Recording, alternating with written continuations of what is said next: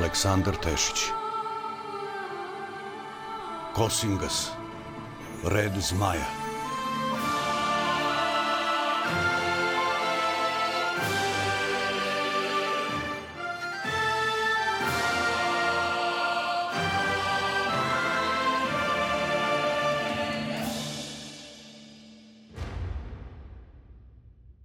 Epizoda 15. Bitka na Grkljanskoj livadi. Ponedeljak, 20. jul leta gospodnjeg 6896. Na svetog Iliju prođo smo pokraj koznika, pustivši korak prema Jastrebini, jer nam se sad svima žurilo da što pre stignemo i nismo bili za odmaranje u gradu. Pogotovo kad smo s njegove visine ugledali u daljini kako se uzdiže planina Jastrebac. Marko nije ni spominjao koznik otkako smo dva dana pre toga napustili Vilovo. Šta više nije bio ni posebno pričljiv, kao da su ga posljednja dešavanja ganula i podsjetila na njegovu jelicu i sina mu Mateju. Derom je i onako po prirodi čutljiv, a ja sam iz svojih razloga želeo da što pre stignem u Jastrbinu. Na velikom skupu razmenit će se vesti i saznaćemo više o onome što se događa i što se mora povodom toga činiti. I za dva dana putovanja pređu smo kao za obična četiri, a sve to na Deromovo veliko zadovoljstvo. Zato prećutno nastavi smo pravo grabeći prema Jastrebini. Dogovoreno je da pređemo rasinu kod vražogrnaca. Vrzogrnci. Znaš, Gavrilo, dok nisam krenuo na ovaj put s tobom, nisam posebno obraćao pažnju na imena mesta, a sad... Ne brini, Kraljeviću, ne brini. Nisu tamo tako loši ljudi. Ali nekada Samo davno da se tamo... ovaj rad završi, pa da se vratim u moj prilog. Javala. Ne htjedoh da mu kvarim nadu, ali znao sam da se to neće dogoditi. Kad postane Kosingas, krenuće drugim putem, a taj ga put neće odvesti na njegov dvor. Raspoloženje nam se popravilo kad smo s brda Jelenka ugledali vražogrnce u podnožju, a rasinu malo dalje. Ali najviše smo se radovali Jastrebcu, koji se moćno uzdizao iznad reke. Bili smo na samo dva dana hoda od Jastrebine i zasluženog odmora. Ali koliko smo mi bili nestrpljivi, toliko su i oni drugi očajavali. Znao sam da nam preti opasnost sve dok ne prođemo kroz kapiju drevne vilinske tvrđave. Ovde se opet rastajemo. Čekat ću vas na izvoru Grkljanac, nedaleko od Vilinske staze. Ajde. Dobro, moj derobe, ajde. Bilo je kasno popodne kad smo Marko i ja ušetali u to veliko selo koje beše bogato, jer je bilo na važnom putu koji je vodio u Kruševac. Valjda je zbog toga narod bio naviknut na svakojake namernike, pa nisu ni obraćali pažnju na nas. Krenu smo da potražimo krčmu gazde Janka na kraju sela gde su obično odsedali namirnici. Marko nije hteo da se razdvajamo, ani da opet spava pod vedrim nebom. Ljudi se okupili pred krčmom i nešto raspravljaju. Ostavi smo Coku i Šarca u štali na čuvanje, a mi stado smo među druge da vidimo o čemu se radi. Prepoznah gazdu Janka, držao je živog belog petla za gušu i pričao sa sveštenikom Todorom, koga znam iz Naupare. Jedan i drugi su imali bradu, ali Janko imao malo više kose od svog brata i malo veće ruke. Ali po građi su isti kao jaje jajetu. Slušaj, Janko, nemoj opet da ti ponavljam. I prošle godine je bila ista priča. Jesi li ti glup ili to namerno radiš? Ko je glup? Ti kao da si iz kruške pao pa ne znaš kako se to radi. Mi smo ovde oduvek na ovaj dan slavili Peruna. Zakoljemo neko govedo i petla starca, kako se to već nalaže. Niko tebi to ne brani. Ali crkva bi da danas slaviš i svetog Iliju. Ne znam ja ko je tebi taj Ilija, makar bio i svetac, kako ti kažeš. Ovde se od vajkada slavi naš Perun gromovnik. Prvi među svima i u njegovu čast se kolje govedo i petao starac. Dobro, Janko, ne budi tvrdoglav. Ali kad već slaviš tog Peruna, slavi i svetog Iliju, valja se u očima crkve. Svake godine isto pričamo. Kako da ga slavimo kad ne znam ni da li taj Ilija hoće govedo ili petla? Možda bi pre ovcu ili kozu. Ma nemoj da me zbunjuješ. Milo će mu biti da zakolješ i jedno i drugo i da ga spomeneš u molitvama. Kažeš, valja se, jeli? Ali ja za to Gilio i ne znam. Znaš, znaš, ali se i dalje praviš sakalud. Za svaki praznik pričamo isto. Moram iz naupare da dolazim da bih proverio šta slaviš. Na Petrovdan si palio Petrovske vatre i pevao ladi. Na Ivanjdan si pravio nakaradne figure i zakopavao ih po bašti za jarila. Ja znam zašto sam sve to radio, pa i ti to znaš. Tako radimo od kad je sveta i veka. A zašto bi tvoj Ilija hteo recimo petla da mu zakoljem? Ajde da čujem. Jer Beli Petao ne misli dobro svome gazdi. Kaže se Beli Petao crni gazda. Ja to znam. Tako pišu naše knjige. Pročitaj sam pa se uveri. Šta pričaš kad znaš da ne umem da čitam i pišem? I ne samo to, Janko. Nego se kaže da će gazda sigurno umreti ako ti Petao ostane posle svetog Ilije. Zato me je otac dao u crkvu. Da bar jedan od nas nauči da čita i da piše. Da bude pametan. Zato me slušaj. Kad prikolješ petla, u molitvu pored peruna ubaci i svetog Iliju. Valja se čoveče, a ne može da škodi. Čak i da ne veruješ, nikad ne znaš zašto će dobro doći. Možda ti se sveti Ilija ukaže u snu, Jeli? On to radi. nego šta? Redovno se ukazuje pravovernima. Je li se tebi tvoj perun ukazivao? Nije. E pa sigurno i neće. Sveti Ilija hoće, ako si veran, njemu i crkvi. Pa dobro, valjda ne škodi da spomenem Iliju. Ipak ne bi voleo da me petao na živi, bilo bi sramota. Samo ti mene slušaj, brate. Ne govorim ti ja za džabe. Čitao sam u starim knjigama. Daću ti ih, pa se uveri sam. Mani me knjiga. Ako ti tako kažeš pa da ti poverujem, sigurno znaš bolje kad si tako načitan. Evo ti čoveka koji zna. Monah Gavrilo će presuditi, brate.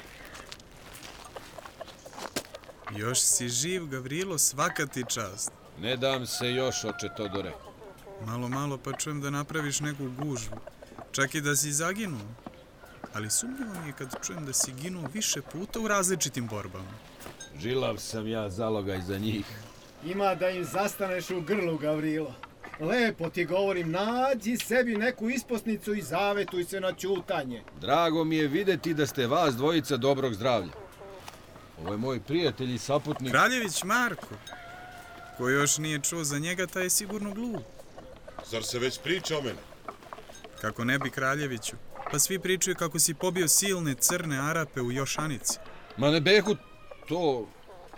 Jeste, u pravu si, oče Todore. Tako je već bolje. Nešto si već naučio od prošlog puta kad smo pričali. Ne znam ja o čemu vi pričate, ljudi, nego ti meni, Gavrilo, kaži... Nije li smešno da ovog petla starca zakoljem i za svetog Iliju kad se to radi za Peruna gromovnika? Ti si video sveta i najbolje znaš da presudiš. Poslušaj ti svog brata, Janko. On je načitan i zna najbolje. Pa dobro ako je tako. Posveti tog petla i Perunu i svetom Iliji. Ali malo više ovom drugom. Jer ćeš i onako govedo posvetiti Perunu. Valja se, kažem ti. Ne valja se zameriti svecima. Nemoj posle da se kaješ. Učini kako ti brat kaže. Ovog petla ću posvetiti svetom Iliji, a govedo Perunu. Tako se nijedan neće naljutiti. Tako treba. Tako treba. Ti, Janko, kolji tog starca dok ja popričam s Gavrilom.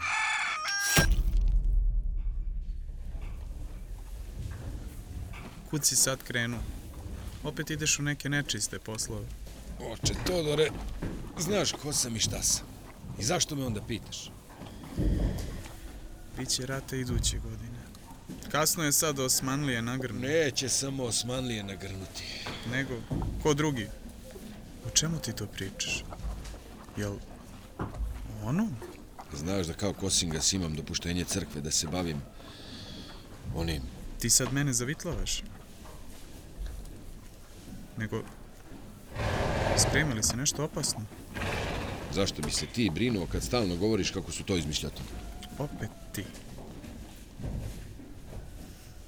No kaži mi već jednom, hoće li biti opasno? Šta god da bude. Ne plaši narod, već je dovoljno uplašen zbog Osmanlija. Nemoj ga još ti strašiti svojim pričama. Ne pričam ja ništa onome ko ne treba da zna. Ali može se desiti da nas ti, tvoji crni Arapi, preplave. I šta ti činiš da to zaustaviš? Razmišljam da sebi nađem isposnicu i da se zaletujem na čutanje. Opet ti. Zadirkuješ sveštenika, to je greh. Gde će ti duša? Šta ti činiš povodom toga? Imate li neki plan? Imamo plan. Marko i ja idemo u Jastrebinu na jedan skup. Ako, ako. Što je više mudrih glava, to su odluke pametnije. Ali nikome ne govori ništa. Znaš koliko je napaćen naš narod. Tolike godine samo ratuje. Ne plaši ga i ti. Budi bez brige i pomoli se za nas. Hoćeš li noćivati ovde, Kraljeviću? Biće slave, pa se možeš umrsiti. Ja idem na reku. Iskvario si me, Gavrilo. S tobom ću pod vedro nebo. Tako je bolje, veruj mi. Nemojte da me zaobilazite na slavu, ljudi. Pusti ljude da svršavaju svoje poslove. Imaju oni preča posla nego s nama da jedu i piju. Neka idu. Nego im spakuj nešto za usput. Da ljudi gladni ne putuju. Ja sam primetio da se put uvek oduži kad putujem praznog stomaka. Hvala, Todore. Nije trebalo. A pusti to, Gavrilo. Nego se ti mani onoga.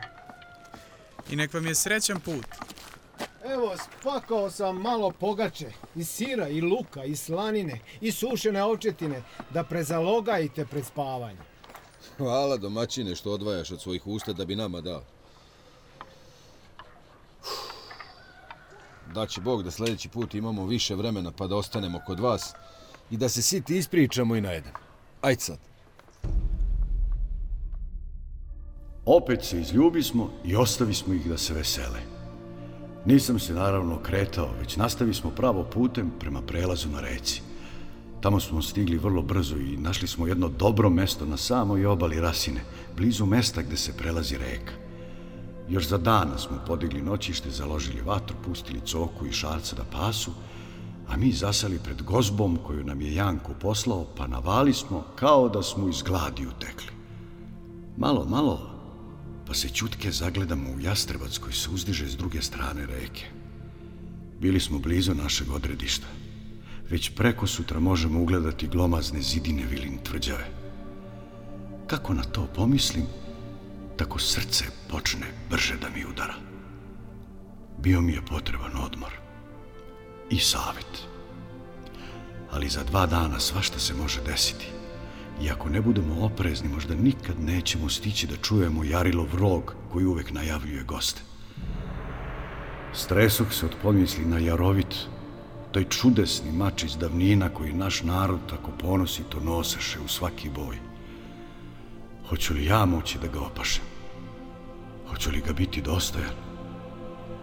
Mnogi su pokušali do sad i nije im se dao u ruke. Govorilo se da je moćan skoro kao zmajat. Kakva bismo dva ratnika, nas dvojica bili.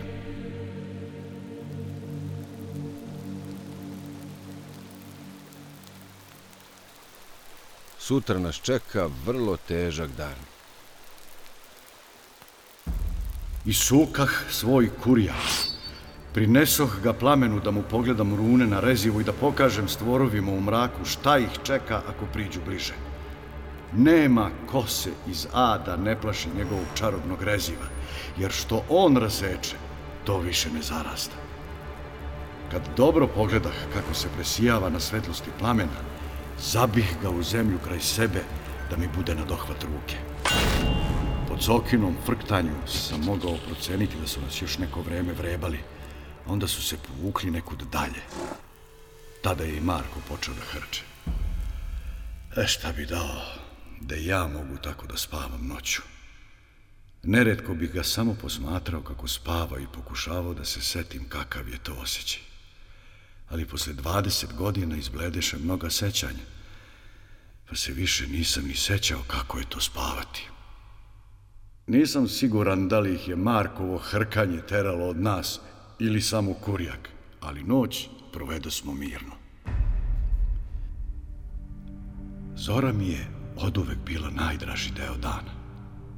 buđenje prirode i prvi sunčevi zraci posle duge mračne noći. Svaki put sam je sa istim žarom dočekivao i radovao joj se.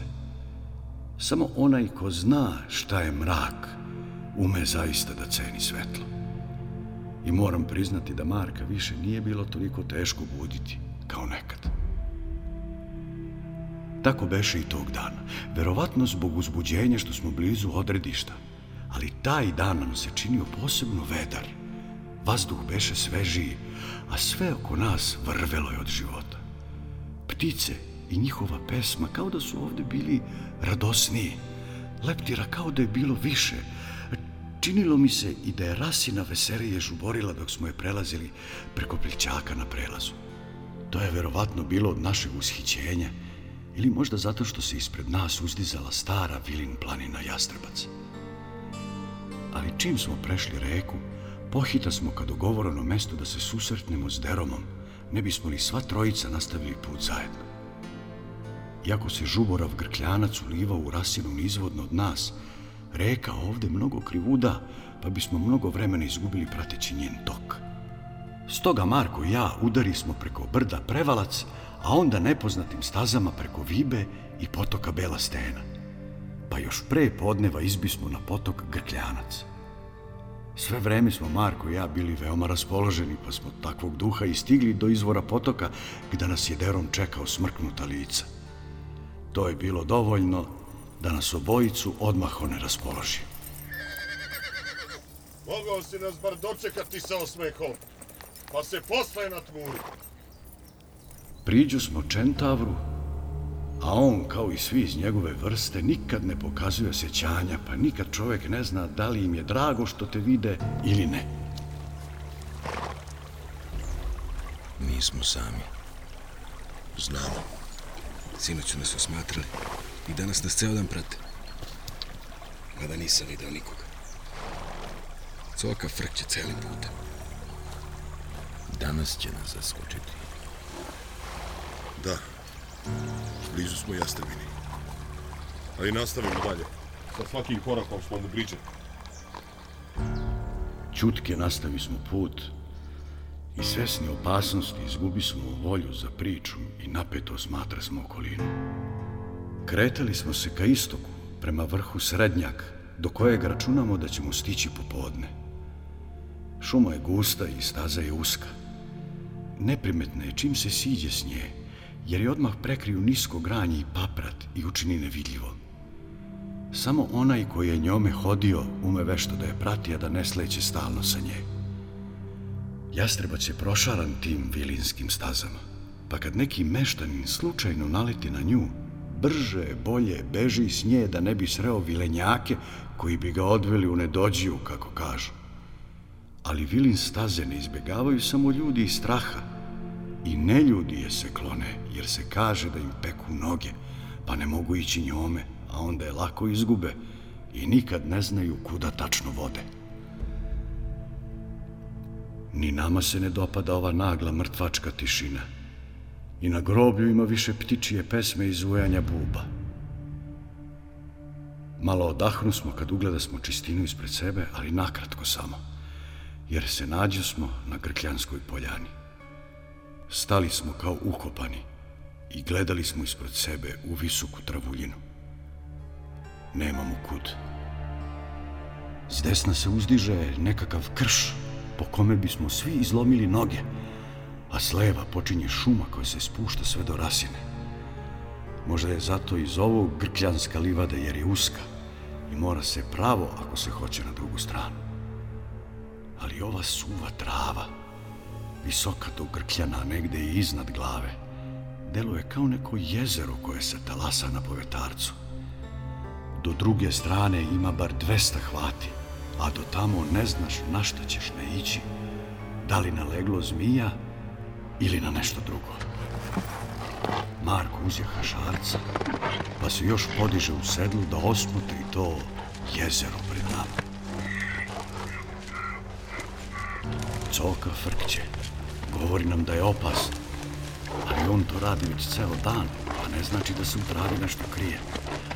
A mi nemamo izbor osim da se okrenemo i vratimo otkuda smo došli. Ne vidi se ništa. Ja stvarno ništa ne vidim. Nema nikog. Ništa. To ne znači da ničega nema. Hoćeš da se vratimo? Idemo polako. Ti, Marko, ostani u sedlu. Od ozgo vidiš dalje od nas. Zakorači smo u duboku travu i krenu smo za Markom, koji na šarcu bolje vidi pravac pa nas vodi. Za njim idemo ja i Coka, pa Derom. Napredujemo sporo jer gazimo po visokoj travi koja nas šiba i grebe, a ne vidimo gde gazimo. Suva je kao slama pa puca pod nogama. Nekad nam noga upadne u neku skrivenu rupu. Životinjama nije lako da se uvuda kreću. A onda se Coka ukopa u mestu. Povukao ga jako, ali neće ni da mrtne. Odmah mi je bilo jasno šta mu je. Spremajte se za napad, družino! Zamantija haljinu i domogog se svog kurjaka. Derom odmah isuka svoju golemu sablju, a Marko je izgleda već držao zmajat u ruci. Vidiš li nešto, Kraljeviću? Dok se Marko osvrta u sedlu, ja brže bolje iščupah jedan busen ove suve trave, prelomih je na nekoliko delova, pa je hitrim potezom kremena lako zapalih. Dok je vatra hvatala baklju koju sam na brzinu napravio, Kraljević se vrtao na šarcu. Ne vidim ništa. Nema ničeg ljudi. Ali ja više verujem mom magarcu, neka se Kraljević ne ljuti. Pa i sve snage hitnu zapaljenu baklju u pravcu iz kojeg smo došli. Povetarac nam je duvao u lice, pa je plamen nosio dalje od nas. Neka nam vatra bar sačuva leđa. Radi što Bog te ubio, Gavrilo, pa će da se izgori. Nešto se tamo kreće kroz travu. E, pa ne vidim ništa, je brzo. Znam da to nije sve. I čekam. Eno tamo, eno, eno. I tamo sa desne strane, evo ga opet. Niko ih. Niko, ne stižem da izbrojim ljudi. Eno ih, eno ih tamo. Sjaši, Marko, sjaši! Sjaši i ostavi šarca ovde s okom. Moramo se razvojiti i udariti na njih. Da probijemo obruč. Ne smiju nas opkoliti. Inače smo gotovi. Time je sve rečeno. Ostavi smo životinje i jurnu smo u različitim pravcima. Marko napred, Deron desno, a ja levo. Trčao sam kroz visoku travu koja me šibala po licu i rukama. Pa I držah kurijak u pripravnosti jer nisam znao kad ću naleteti na neprijatelja, pa sam morao biti spreman. Mislim se, ako mi njih u ovome ne vidimo, ni oni nas neće, pa će iznenađenje biti na našoj strani, a čim probijamo obruč, lakše ćemo ih potamaniti nego da ih pustimo da nas opkole i sateraju leđa uz leđa gde nas mogu prekrečiti. Iako sam očekivao da svakog trena naletim na protivnika, ipak sam se trgao kad se umalo ne sudarih s jednim psoglavim, koji je glavinjao noseći veliku batinu s jednim klinom koji iz nje virio. On se iznenadio još više kad je ugledao mene, pa nije ni stigao da zamahne njome jer sam mu ja saterao kurijaka u grudi. Ipak, ispusti bolan krik što je sigurno navelo ostale iz njegovog čopora da promene pravac i ustreme se na mene. Ali iako imaju odličan njuh, soglave je bunio miris gorele trave pa nisu mogli lako da me pronađu. U to sam čuo još neke neartikulisane krike koje mi govoraše da su neki uleteli u vatru koju sam iza nas izazvao, pa sad u strašnim mukama gore, ali i pale travu oko sebe dok u agoniji jure naokolo. Ovakva situacija me ohrabila. Znam da psoglavi nisu posebno bistri da bi se dobro snašli, a najopasniji su kad na otvorenom napadaju hordi. Gde god se treba snalaziti, oni su nesigurni. Pogotovo što nisu očekivali da ćemo im poći u susret, već su mislili da ćemo čekati da nas sabiju jedne uz druge dok nas opkoljavaju. Tako je krenulo jedno tumaranje po dubokoj travi i kroz dim koji poče da se širi celom livadom, jer povetarac minu, a plamen stade da liže na sve strane. Sad se krećem polako i oprezno. Gledam oko sebe, ne znam odakle će psoglavi da iskuči ili gde ću na koga da nabasam. Kao jednom sleđa kome odmah zabih ljuto rezivo u vrat, pa nije stigo ni da zakrklja, nego se sručio kao sveća. Idem dalje. U pravcu dakle se čuje plamen kako guta suvu travu. Odjednom zasmrdeše i izgoreli psoglavi, pa se setih reči mudrog Alusa Vitelija koji govoraše. Mrtav neprijatelj uvek dobro miriše. Kad mi neka visoka trava poleže na leđa, to mi bi znak da mi se neko prikrao od pozadi. Pa bez razmišljenja zamahnuh kurjakom koliko sam jače mogao i okrenuh se.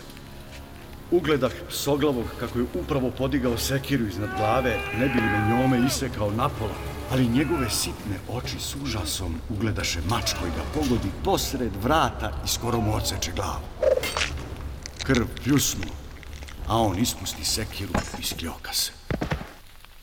Ovo je bilo opasno, pa se naježih od pomisli šta bi bilo da ga visoka trava nije odala. Sabrh se, pa još više na čuljih uši i izbečih se da se ovako nešto ne bi ponovilo. Tako sam nabasao na jednog psoglavog i on na mene, pa brže bolje obojica zamahnem oružjem, ja kurjakom, a on nekom batinom. Ali učini mi se da on bi brži, pa se iz opreza bacio u stranu, a batina u praznu vratu. To bi dovoljno da mu mačem udarim po nozi, pa kad mu je odsekoh, on se sruči urlajući.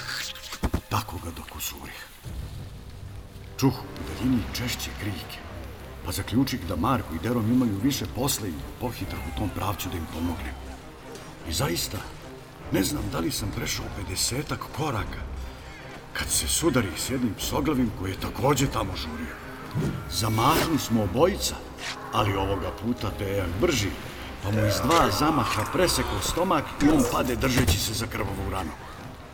Tako nenadano, napasah na coku i šarca koji su stajali kao ukopani, pa ih taman uzeh za uzde da ih povedem dalje od požara koji se približavao, kad iz trave uz poklič izlete jedan psoglavi, zamahujući velikom zaređalom bojnom sekirom.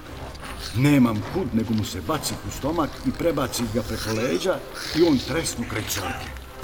Magarac se valjda uplaši od stvora, pa ga zadnjim kopitama ritnu tako da mu glava puče kao šuplja tikva. To mi je bilo dobrodošlo, jer se iz trave zaleteo bio drugi stvor, ali ovoga puta spremno dočekao i gađa ga kurjakom koji mu se skoro do balčaka zari u grudi. Požurih po svoj mač, pa nastavi da vodim soku i šarca dalje od ljutog dima i besnog plamena.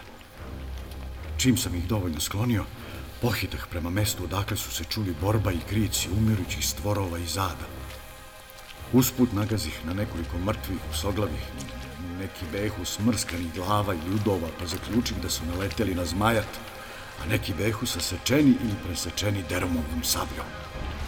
Zatekoh njih dvojicu nedaleko jedan od drugog, kako po ugaženoj travi odbijaju silovite napade psoglavih.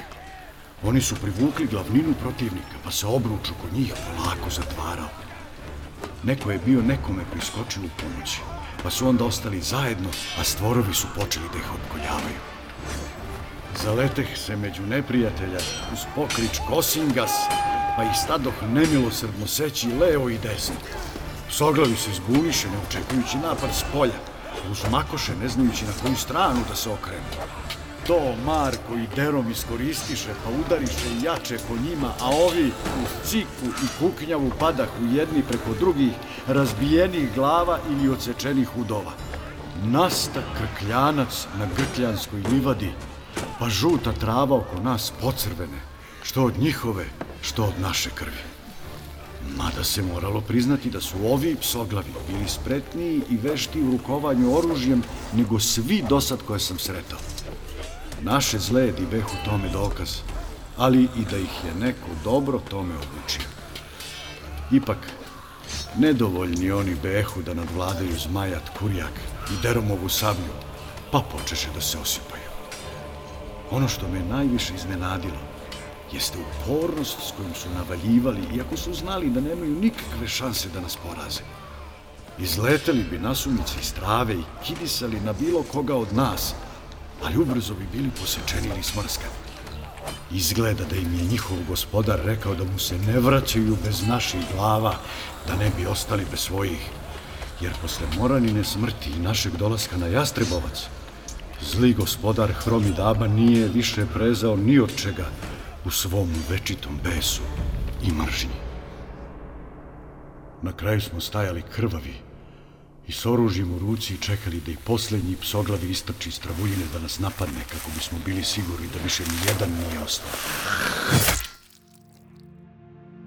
Kad je Marko ubio i posljednjeg bezdušnika, vetar se diže, pa ponese dim koji nas je štipao za oči i terao na kašelj.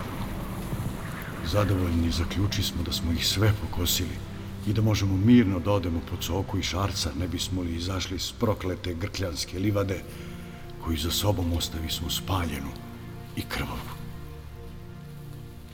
Uđu smo u šumu na drugoj strani, ali nismo stali da vidamo svoje rane, nego pruži smo korak što dalje od tog mesta da bismo se što više udaljili od njega pre nego što predahnemo.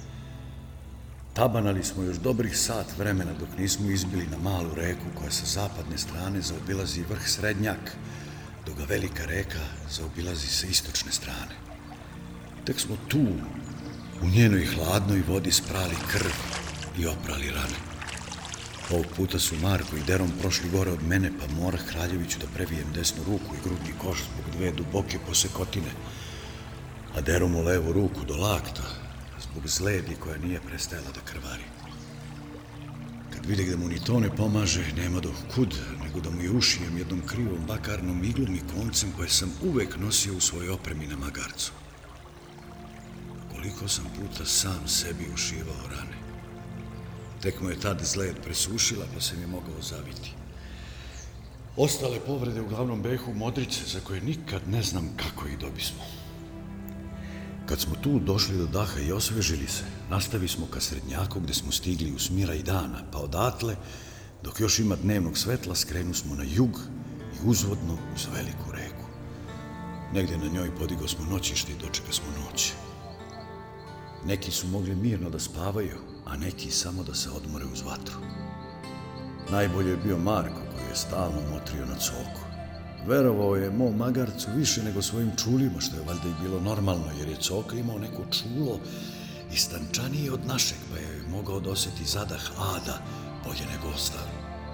Kad god bi magarac onako protresao glavom, kraljević se trzao. Na kraju ga je umor savladao i on zaspa. Deron, kao i obično, nije noćio sa nama, nego bi nalazio sebi neko mesto u okolini gde se, kako je govorio, osjećao sigurnije i možda je bio u pravu. Najopasnije je bilo uz ratnika iz proročanstva. Još nije bilo ni svanulo, a Marko mi je ubeđivo da počnemo da se pakujemo i da krenemo s prvim svetlom. Džave sam ga odgovarao od toga i govorio mu da još spava. On je bio rešen u svojoj nameri da krenemo što pre. Toliko smo zatalabukali da nam se na kraju i Deron pridružio, čudeći se našoj raspravi po mrklom mraku. Kad je čuo o čemu je reč, odmah je podržao Marka u njegovom nastojanju da se što ranije krene. Na kraju nema doh kud nego da popustim i počnem da se pakujem. Kad smo bili skoro gotovi, nebo na istoku tek je bilo zarudelo. Srećom, Leti brzo svane, pa nismo morali dugo da se lomatamo po mraku jureći za Markom, koji se nije ni osvrtao da vidi da li ga pratimo. Ne govorim kuda smo se kretili, u kom pracu smo otišli dalje ili koje potoke i vrhove smo prelazili, jer moćna utvrda jastrebina ne beše delo ljudskih ruku, nego vilinskih. Pa otudi nije da je bilo ko pohodi, već je dovoljno da se zna da je na jastrebcu i da se do nje može doći samo vilinskom stazom, pa ukoliko je neko pronađe i odvaži se krenuti njome, neka mu bude kako mu se zadesi. Tako smo tabanali vilinskim stazama i bogazama sve do podneva kad smo prvi put stali da se odmorimo. I tačno tako, stajali smo, nismo ni seli.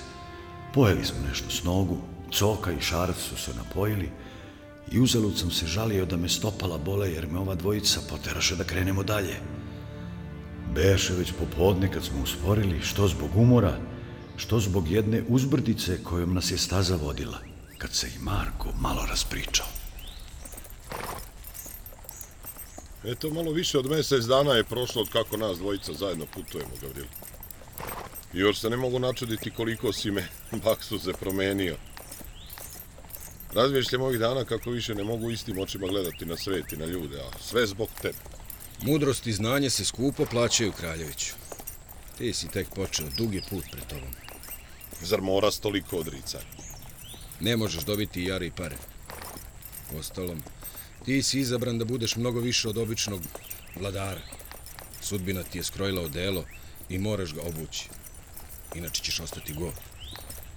Vredi li to toliko odricanja, bola, patnje? Pogledaj samo sebe, Gavrilo, više nisi normalan čovjek. Ne spavaš, ljudi beže od tebe, mrze te, plašete se, prijatelje kao da nemaš. Video sam te kako se svaki put sa strahom opraštaš od tebi, dragih ljudi.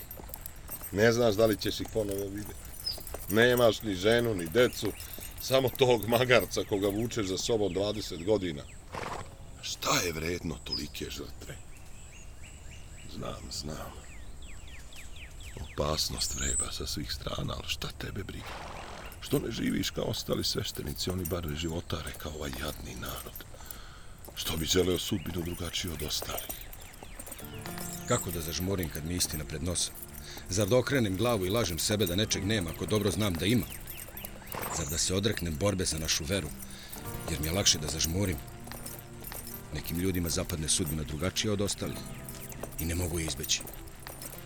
Moja sudbina je bila da postanem kosingas. Iskončat ću kao takav, ali ti ćeš me naslediti i nastaviti tamo gde ja stanem. Tako su ti suđaje prorekle i ne možeš to izbeći. Sem ako pogineš. Smrt je jedina koja nekad može nadmudriti sudbinu. To su dva lica istog novčića, dva reziva istog mača. Zato ćuti i slušaj šta ti se govori. Ti jesi ratnik iz proročanstva. Ali ipak možeš skončati kao neko bedno pseto. Dakle, ništa nije sigurno. Ni sudbina. Sigurno je samo da se rađaš i da umireš. Neki na svet dolaze da bi sa njega slavno otišli. I takvi su miljenici bogova. I oni im pomažu. Drugi mu odmažu. Kad umru, velika većina ljudi kao da nije ni živela. Oni su bogovima nebitni.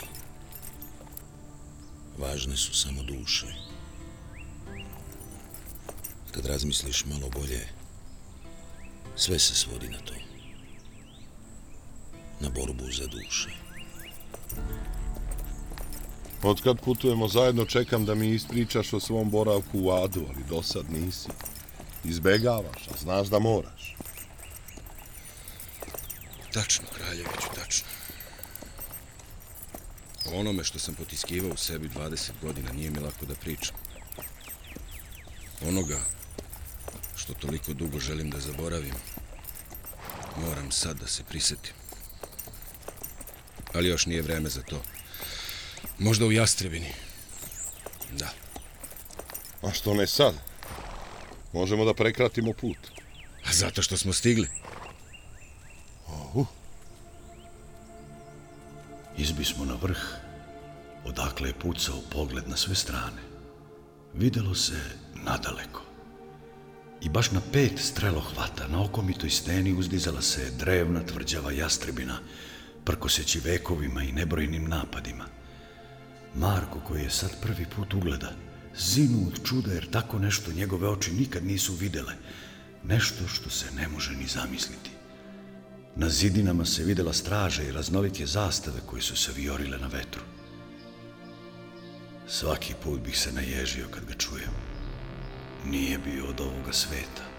Zvučao je kao da poziva u boj, u sigurnu, ali slavnu smrt.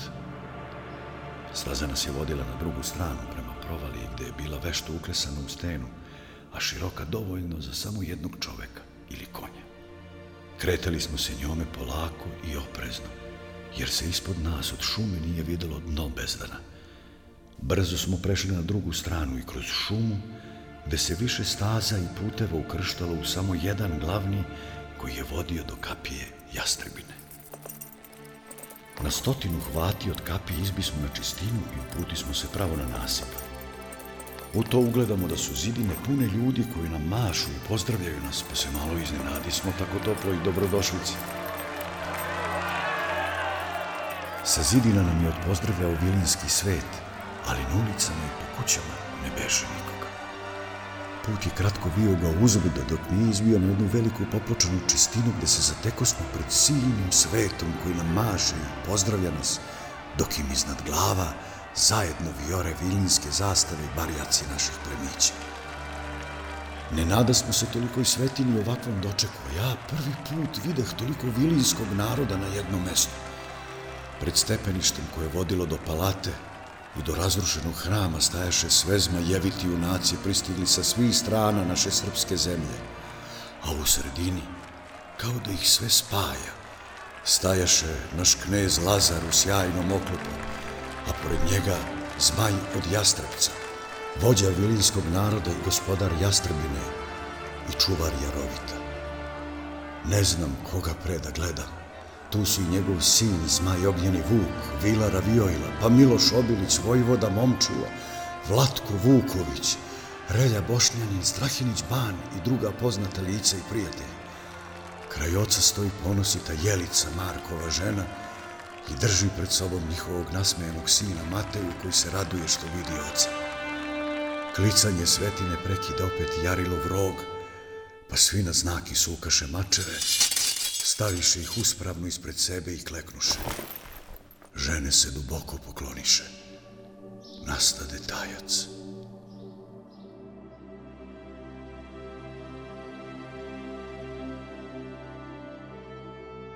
Mi u čudu korača smo napred i gleda smo toliki svet koji kleče na jednoj nozi i gleda u zemlju ispred sebe.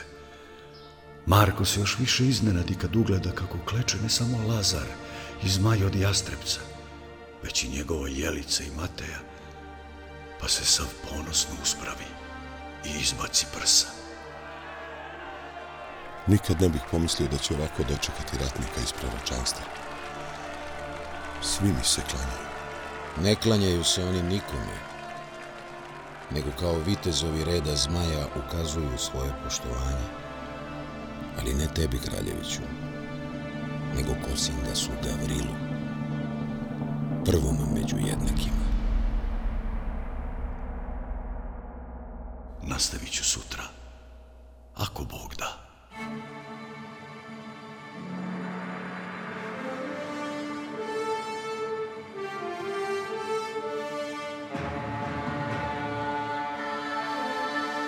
Slušali ste 15. epizodu Kosingas, Red Zmaja Aleksandra Tešića.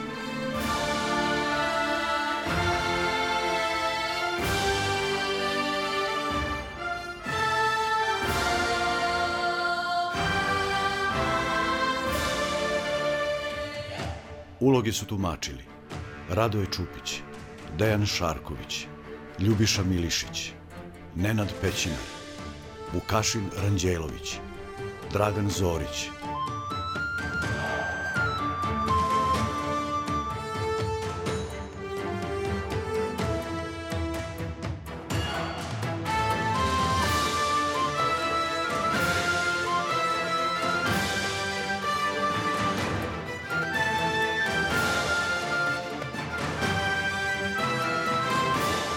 Dizajn zvuka Aleksandar Marković.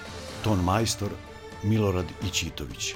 Reditelj Manuel Srbin. Kompozitor Nikola Jeremić. Organizator Suzana Simić. Urednik dramskog programa Slobodan Govorčin.